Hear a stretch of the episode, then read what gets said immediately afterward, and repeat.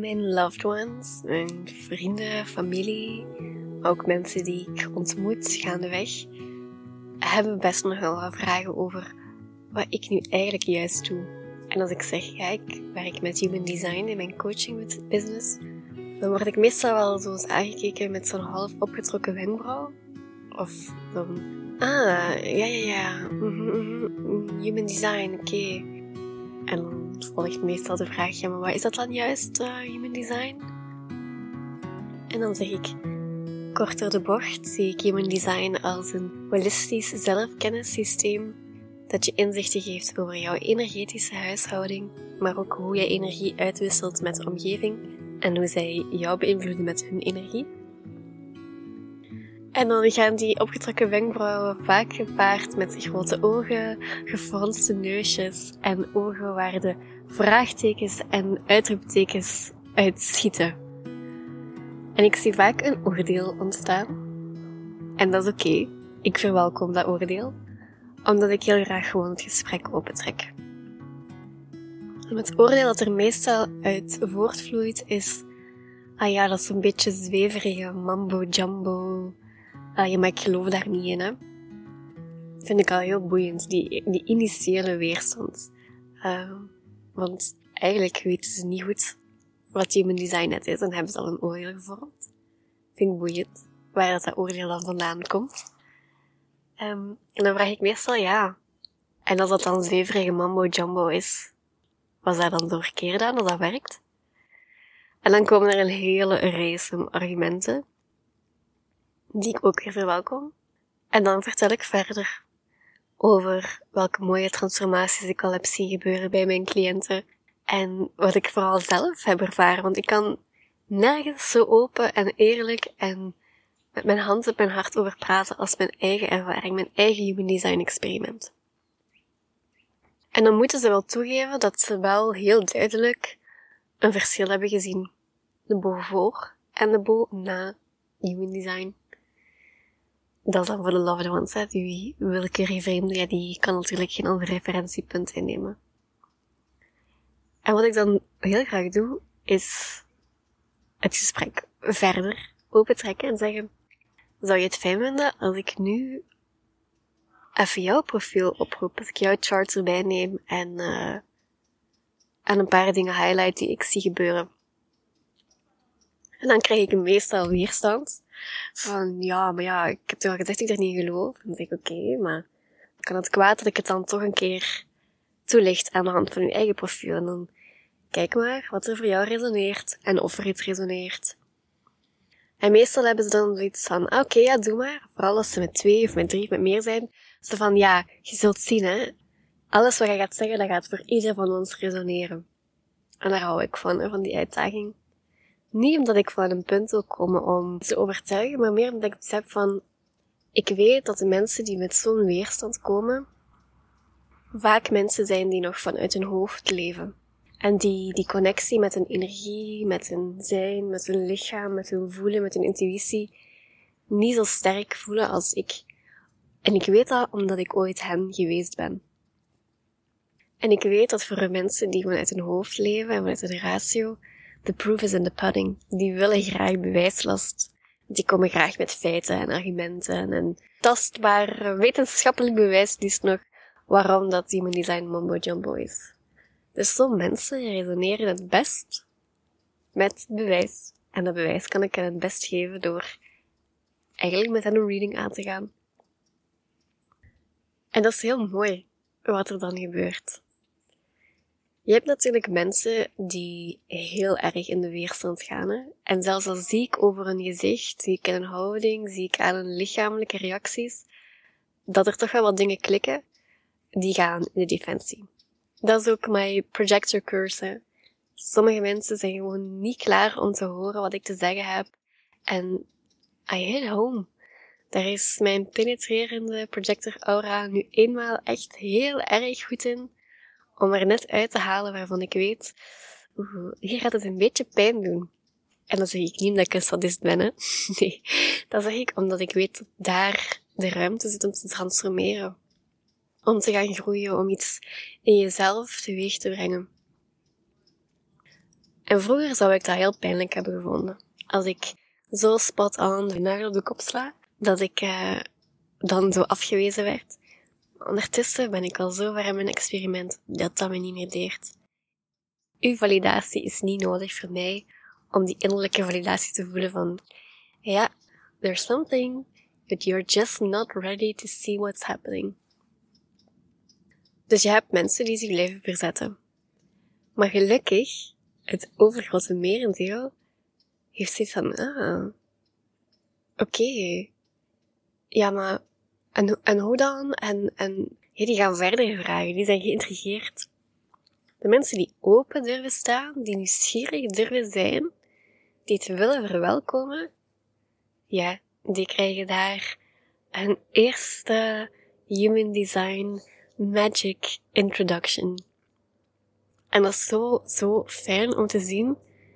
Niet omdat ik iets heb van, I'm converting them to the dark side. Want zo voelt dat soms zo, Ik ben dan ook naar de magische, wonderlijke wereld van zelfverkenning en zelfexpressie en alignment aan het leiden. En ik weet hoe magisch dat is als je, dat, als je daar echt de diepte in durft gaan, want there is no going back. Eens dat je met die kant van jezelf connecteert en je ziet dingen en je voelt dingen en je voelt die bevestiging, je krijgt dat thuiskomen bij jezelf, zoals ik human design altijd noem. Ja, dat is zo fijn, dat is zo'n warm bad waar je in terecht komt. Je gaat niet terug willen.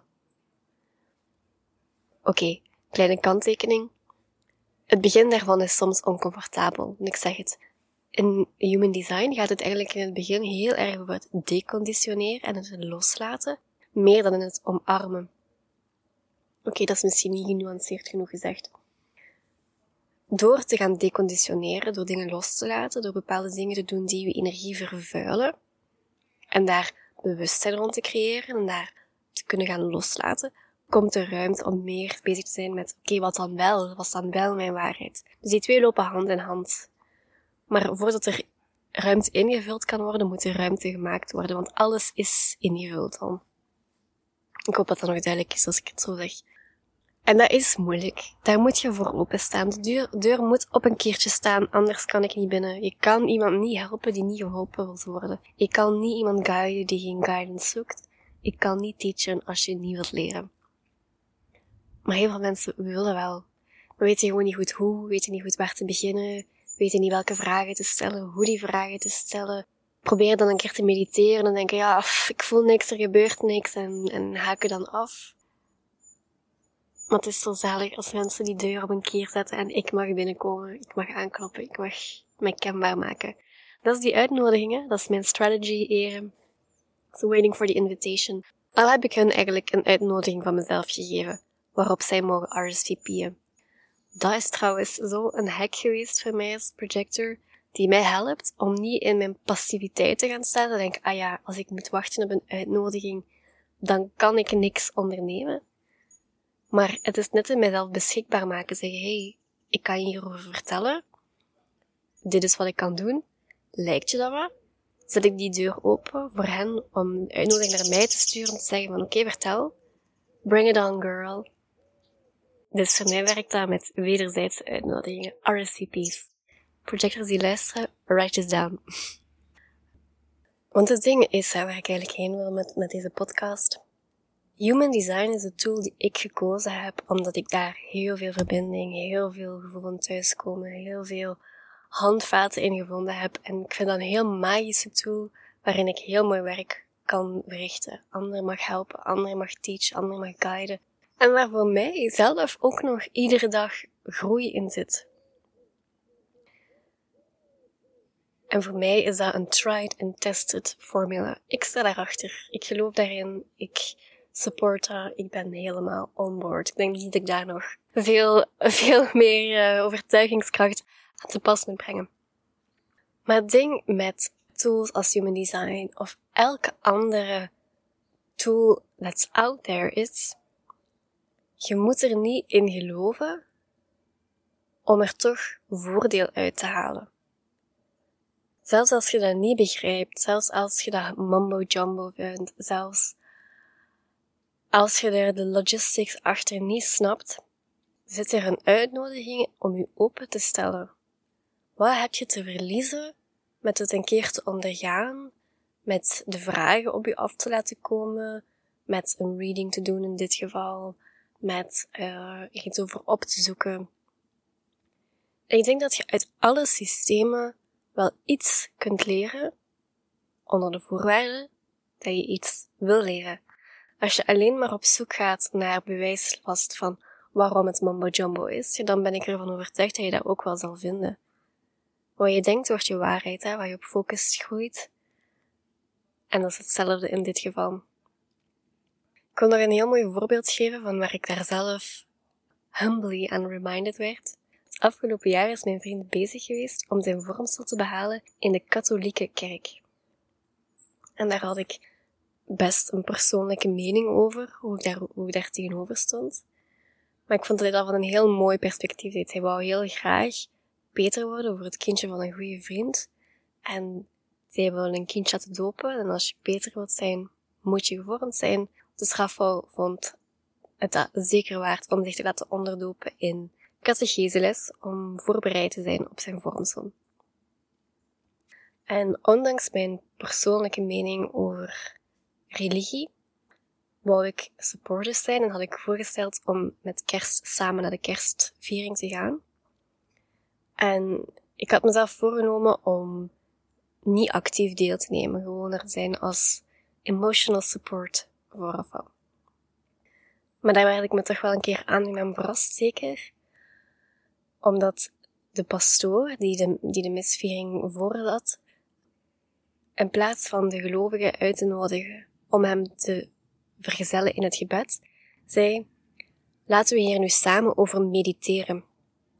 Ja, en daar had hij me dan, hè. Door gewoon die simpele shift in woordkeuze, door te zeggen mediteren in plaats van bidden, had ik zoiets van, oké, hier kan ik wel op inpikken. Mediteren is iets wat ik ook voor mezelf doe. En ik ging van een gesloten mindset, want daar moet ik eerlijk in zijn, die had ik wel, naar een veel opener en veel warmer en veel uitnodigender kijk naar wat er gebeurde. En ik kon ineens de shift maken in mijn denken van oké, de onderwerpen die hij behandelde, de vraagstukken die naar boven komen, kan ik daar wel in meegaan vanuit mijn eigen standpunt, vanuit mijn eigen integriteit, zonder het gevoel te hebben dat ik me laat leiden naar iets wat niet meer juist voelt. En toch me openstellen. Voor mij zit daar diezelfde boodschap in. Kan ik mezelf openstellen, ook al ben ik niet helemaal on board met het medium waarin het uh, aangeboden wordt. Ik zie mezelf helemaal niet als katholiek gelovig, als rooms gelovig. Maar dat betekent niet dat ik niet kan deelnemen aan het gesprek vanuit mijn eigen waarde en mijn eigen visie. En hetzelfde heb ik met hoe andere mensen denken over human design. Het is een open uitnodiging. Laat u verrassen, laat u meenemen in het verhaal en kijk er vanuit die open blik naar. Dus stiekem vind ik dat wel fijn. Dat mensen praten over human design die kritisch denken en sceptisch zijn. Omdat ik daarin gewoon heel erg de uitnodiging zie dat zij net met een mindset nog stappen te zetten hebben waar human design echt het verschil in kan gaan maken. Vind ik het heel leuk om hem toch te kunnen introduceren in de wondere wereld van wat ik, wat ik mag doen. Ik ben dus best benieuwd. Ben je zelf nog kritisch, sceptisch, nieuwsgierig naar human design en heb je vragen of wil je graag er een gesprek over aangaan? Dan sta ik daar zeker voor open. Je vindt me op Instagram onder de handle bo.bergmans. Ik zal hem ook linken in de show notes. En je mag me daar gerust je mening over de podcast geven.